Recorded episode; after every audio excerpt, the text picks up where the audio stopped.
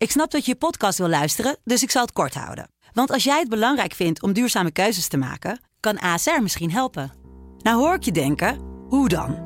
Nou, bijvoorbeeld bij het duurzaam herstellen van schade. Of de premies die we beleggen volgens ons duurzaam beleggingsbeleid. Dat bepaalt waar we wel en juist niet in investeren. Wil je meer weten over welke duurzame keuzes ASR maakt? Ga dan naar asr.nl slash duurzame keuzes. ASR doet het. Zo, dan kan je nu lekker naar je podcast luisteren.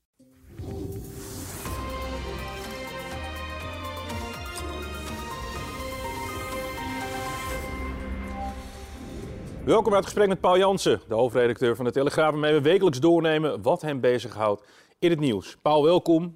Um, eerst even een beetje een klein verhaal. Ik werd vanochtend geappt door een uh, vriendin van mij. En die zei, uh, dat was het nieuws, dat die kerncentrale was uh, gebombardeerd. Kunnen we het zo over hebben of dat nou wel of niet echt gebeurd is. Daar is ook een heel discussie over. Of althans in welke context. En die echt bang was. Die zei echt van, joh, ik, ik, ik weet helemaal niet of dit allemaal goed gaat aflopen leven we over een paar weken nog wel? Gaat dit niet helemaal uit de hand lopen? Als jij, als jij dat soort. Het is echt een vrij rationeel persoon die opeens bang wordt. Hoe, hoe, hoe kijk jij naar dat soort verhalen?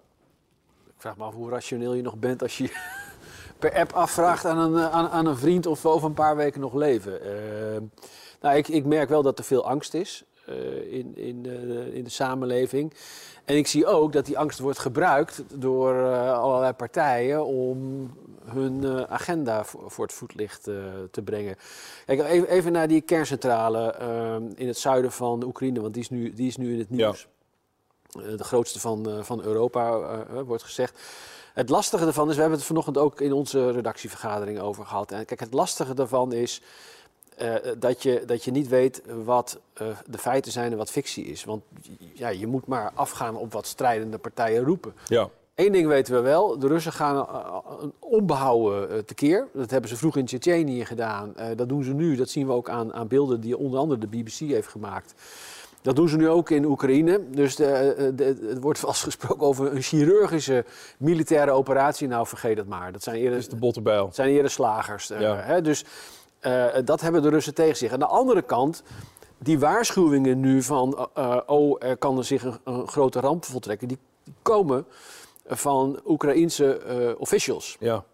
En ik heb het ook in onze ochtendvergadering gezegd: jongens, let op waar normaal gesproken autoriteiten, over, over, het hangt een beetje vanaf waar, van waar ze komen. Over het algemeen zijn autoriteiten, zij zijn wel partijen die weten waar ze over praten. Maar in, in een omstandigheid als een oorlog waarbij uh, Oekraïnse autoriteiten een belang hebben, namelijk zoveel mogelijk steun mobiliseren in het Westen, ja. moet je heel erg oppassen dat je, dat je niet te veel meegaat in zo'n paniekverhaal. Ja. Want, de, want het beeld wat voorhangt is dat wij een soort een meervoud van Tsjernobyl terug Ja. zouden krijgen. En ik, nogmaals, ik zeg niet dat het niet waar is allemaal wat er gebeurt, maar je moet wel heel erg behoedzaam zijn, juist ook om wat jij aangeeft, dat er dat, dat mensen doodsbang worden. En, en Maar heb je ooit deze schaal van propaganda? Omdat we hebben Bosnië meegemaakt, heel bewust.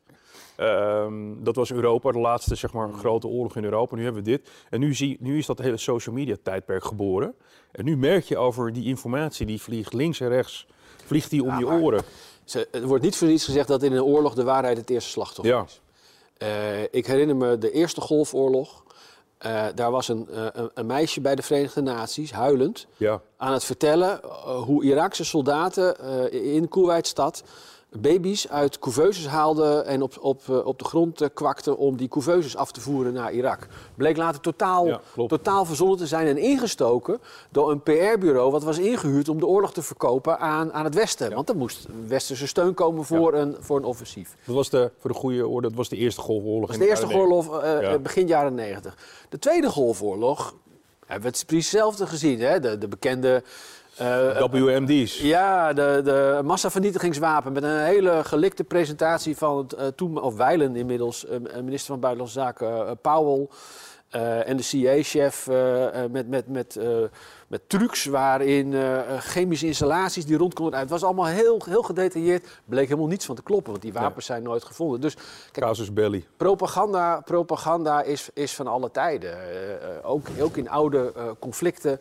In de Tweede Wereldoorlog werd het al heel veel gebruikt. Je, je ziet nu ook weer eh, berichten. Ik las in de Volkskrant ook een bericht over hoe een internationale media het verhaal rondgaat dat de Russen met mobiele crematoria rondrijden Ja. om gesneuvelde soldaten meteen eh, Klopt ook het, veranderen. Klopt ook niet. Nee. Weet je, eh, je ziet telkens dat soort verhalen terugkomen. Wat wel zo is, is dat, dat door de opkomst van sociale media er, er steeds meer ongefilterd nieuws op, op je afkomt. Maar wij, wij zijn zo'n filter. Hè? De media, traditionele media, eh, eh, zijn een filter normaal. Die scheiden wat is echt en wat is niet echt. Maar we moeten gewoon erkennen dat wij ook, bijvoorbeeld rond zo'n eh, kerncentrale in het zuiden van Oekraïne, wij ook niet weten wat Nee. daar precies gebeurt. En wie moet je dan geloven? Moet je dan de Oekraïense officials geloven, die, die, die misschien wel de waarheid zeggen, maar ook een, dus een heel groot belang hebben om te overdrijven en om die steun van het Westen tegen de Russen te houden? Of moet je eh, aan de andere kant eh, de Russen geloven? Ja, die zeggen eigenlijk helemaal niet zoveel over, over Nee. de kerncentrale. Maar die hebben niet een al te beste track record op, op dit gebied. En waar je dan op uitkomt, zijn misschien wetenschappers die, die kunnen aangeven hoe risicovol dat nu is. En ik lees daar ook al verschillende dingen over. Eh, Er is ook een wetenschapsjournalist die zegt: jongens, let even op. Een, een kerncentrale is zo gebouwd dat er zelfs een vliegtuig op kan neerstorten. En dan blijft, die, eh, dan, dan blijft die veilig. Nou goed, ik weet niet wat allemaal Nee. waar is. Ik weet alleen wel, we moeten heel terughoudend zijn. En dat is moeilijk, hè? Want nieuws. eh, ontwikkelingen in zo'n oorlog vragen ook om snelheid. Je wil ook als nieuwsorganisatie wil je bovenop het nieuws zitten, om het maar zo te zeggen. Eh, maar tegelijkertijd wil je zorgvuldig zijn. En dat is, dat is een spagaat waar elke nieuwsorganisatie in deze oorlog eh, in terecht is gekomen. En Laten we even daar wij, eh, hameren erop, wij hameren erop om daar terughoudend in te zijn. Ja, Ursula. Ursula von der Leyen die is de voorzitter van de Europese Commissie. Daarmee is ze een soort van bestuurder over Verenigd Europa, als ik het zo mag zeggen. Eh, Euro, de EU is, is een handelsfederatie die, die op andere terreinen zich ook wel profileert. Die is heel erg op zoek naar zijn rol. Eh, wie zijn wij in dit, in dit verhaal? En daarin worden nu dingen gezegd. eh, eh, je zou kunnen zeggen, we zijn eigenlijk met een soort van proxyoorlog bezig tegen Rusland. Want we zijn de voornaamste wapenleverancier geworden. Dat doen we ook vrij openlijk. Ehm, en daar heeft zij een beetje haar rol in opgeëist. Hoe kijk je daarnaar? Nou, wat ik, wat ik, zie, ik zie het vooral zo. Eh, want want eh, de, commissie, eh, de, de voorzitter van de Eurocommissie- Europese Commissie, mevrouw van der Leyen, is niet de enige. Nee. Ik zag ook Frans Timmermans, eurocommissaris, zich ook profileren. Hè, we moeten een andere aanpak, want klimaat. Je moet, je moet denk ik, om, om dit te begrijpen, moet je even, even achterom kijken. En wat hebben we gezien? We hebben gezien dat de wereld, en zeker ook het Westen en zeker ook Europa, de voorbije twee jaar helemaal bezig was met corona. Ja. En corona is eh, als een, een gezondheidskwestie een zaak van nationale lidstaten. Dus de Europese Unie speelde daar tweede viool. En de Europese Commissie had daar eigenlijk geen wezenlijke taak. Alles wat er Europees werd besloten, en dat was niet zoveel, hè, want zoals Nee. je herinnert, het ene land deed dit, het andere land deed dat, ging dan via die raad van ministers. Nu krijg je een conflict in de Oekraïne. En wat je ziet gebeuren is dat allerlei actoren en dus ook eh, leden van de Euro- Europese Commissie hun kans schoonzien om weer in de schijnwerpers te staan en hun eigen politieke agenda voor het voetlicht te brengen. En i- i- zo moet je ook haar uitspraken zien, domme uitspraak wat mij betreft, om eh, Oekraïne lidmaatschap van de Europese Unie te beloven. Zo moet je haar uitspraken zien om ehm, in het kader van de, de vluchtelingencrisis die, die zich nu afspeelt, eh, allerlei beloftes te doen over eh, dat eh, mensen uit Oekraïne hier zonder de asielprocedure allemaal kunnen verblijven. Waar uiteindelijk, hè, met name door tegenstand in Hongarije, en, nu een, een vrijblijvendheid in, in de afspraak is gekomen. Voor Eurocommissaris Timmermans geldt precies hetzelfde. Die heeft ook twee jaar eh knarsetandend moeten zien hoe zijn agenda op de achtergrond raakte door corona. En die ziet nu zijn kans schoon. Ehm, met, met een oorlog in Oekraïne, waar natuurlijk ook een energiecomponent aan zit, omdat Rusland zo'n belangrijke eh, Ja. gasleverancier is, om zijn agenda weer eh, in, in de aandacht te krijgen. Hè. En eh, hij heeft dan in, in, in een andere krant eh, een lans gebroken om eh, heel veel meer windmolens te gaan, eh, te gaan bouwen. Terwijl ik de afvraag, hoe zat het ook alweer met kernenergie, weet Ja, je wel? ja, ja. Dus je, ik, ik zie het vooral in dat licht, dat eigen politieke agenda's, en dat is ook niet nieuw, maar het is wel markant dat het nu gebeurt. Eh, door allerlei politici eh, worden eh, in, in deze crisis, dat deze crisis wordt gebruikt om eigen politieke agenda's ja, voor het voetlicht te brengen. En ehm, dat is misschien een beetje cynisch om, om, daar zo naar te kijken, maar ik vind het vooral realistisch, want het gebeurt gewoon. Ja, ehm, afrondend. we zitten in eh, toch wel een van de grootste crises die Europa de afgelopen sinds de Tweede Wereldoorlog heeft gehad. En dan zeg ik altijd Bosnië erbij, want mensen nemen je dat snel kwalijk dat je dat vergeet. Nee, dat vergeet ik niet. Was terecht, hè? Was, Bosnië- was ook een, was, nou, niet alleen Bosnië, voormalig Joegoslavië, want het begon in Slovenië, Ja, toen in Kro- Kroatië, de, eh, de KNIN, eh, Bosnië, maar uiteindelijk ook eh, de NAVO-actie Joegoslavië, hebben we Kosovo gehad. Dus het was de, Joeg- het, het, het Joegoslavië-hoofdstuk, laten we het dan even zo noemen, was echt, echt een heel majeur Ja. conflict, waar ook het Westen direct bij betrokken was. En nu zijn we betrokken bij een conflict wat nog verder naar het oosten ligt. Alleen het is nu zo gruwelijk aan het worden dat we in een heel grijs gebied komen van. Valt dit, kunnen we straks nog wel met z'n allen door één deur eh, als je die burgerdoden ziet? We moeten ook, ook al, met wat je net zei, weten wat waar is en wat niet waar is. Ehm, zie, zie jij, zie jij hier een, een, een oplossing waar beide partijen allemaal nog tevreden mee kunnen zijn? Nou, dat is lastig, er wordt onderhandeld. Maar even, even voor de goede orde, elke oorlog is gruwelijk. Tuurlijk. Eh, alleen omdat het nu eh, dichterbij is dan in Afghanistan, eh, in Irak of, of, of waar dan ook, in Jemen, maken wij ons er meer druk op. En omdat, en je gaf het al aan, door die sociale media, er wordt veel meer gefilmd wat er zich daar afspeelt. eh, Bijna real-time af en toe. ja, en, en eh, dus, dus komt het veel meer binnen bij de mensen.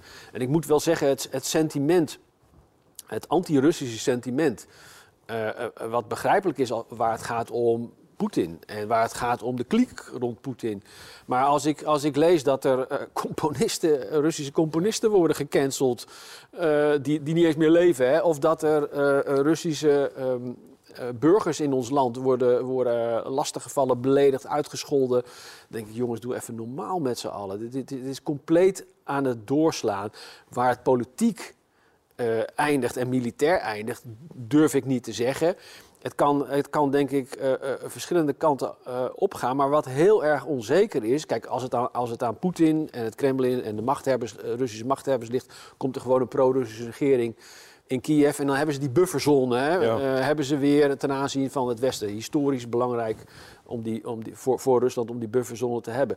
De grote onzekere factor uiteindelijk is wat gebeurt er in Rusland zelf. Ja.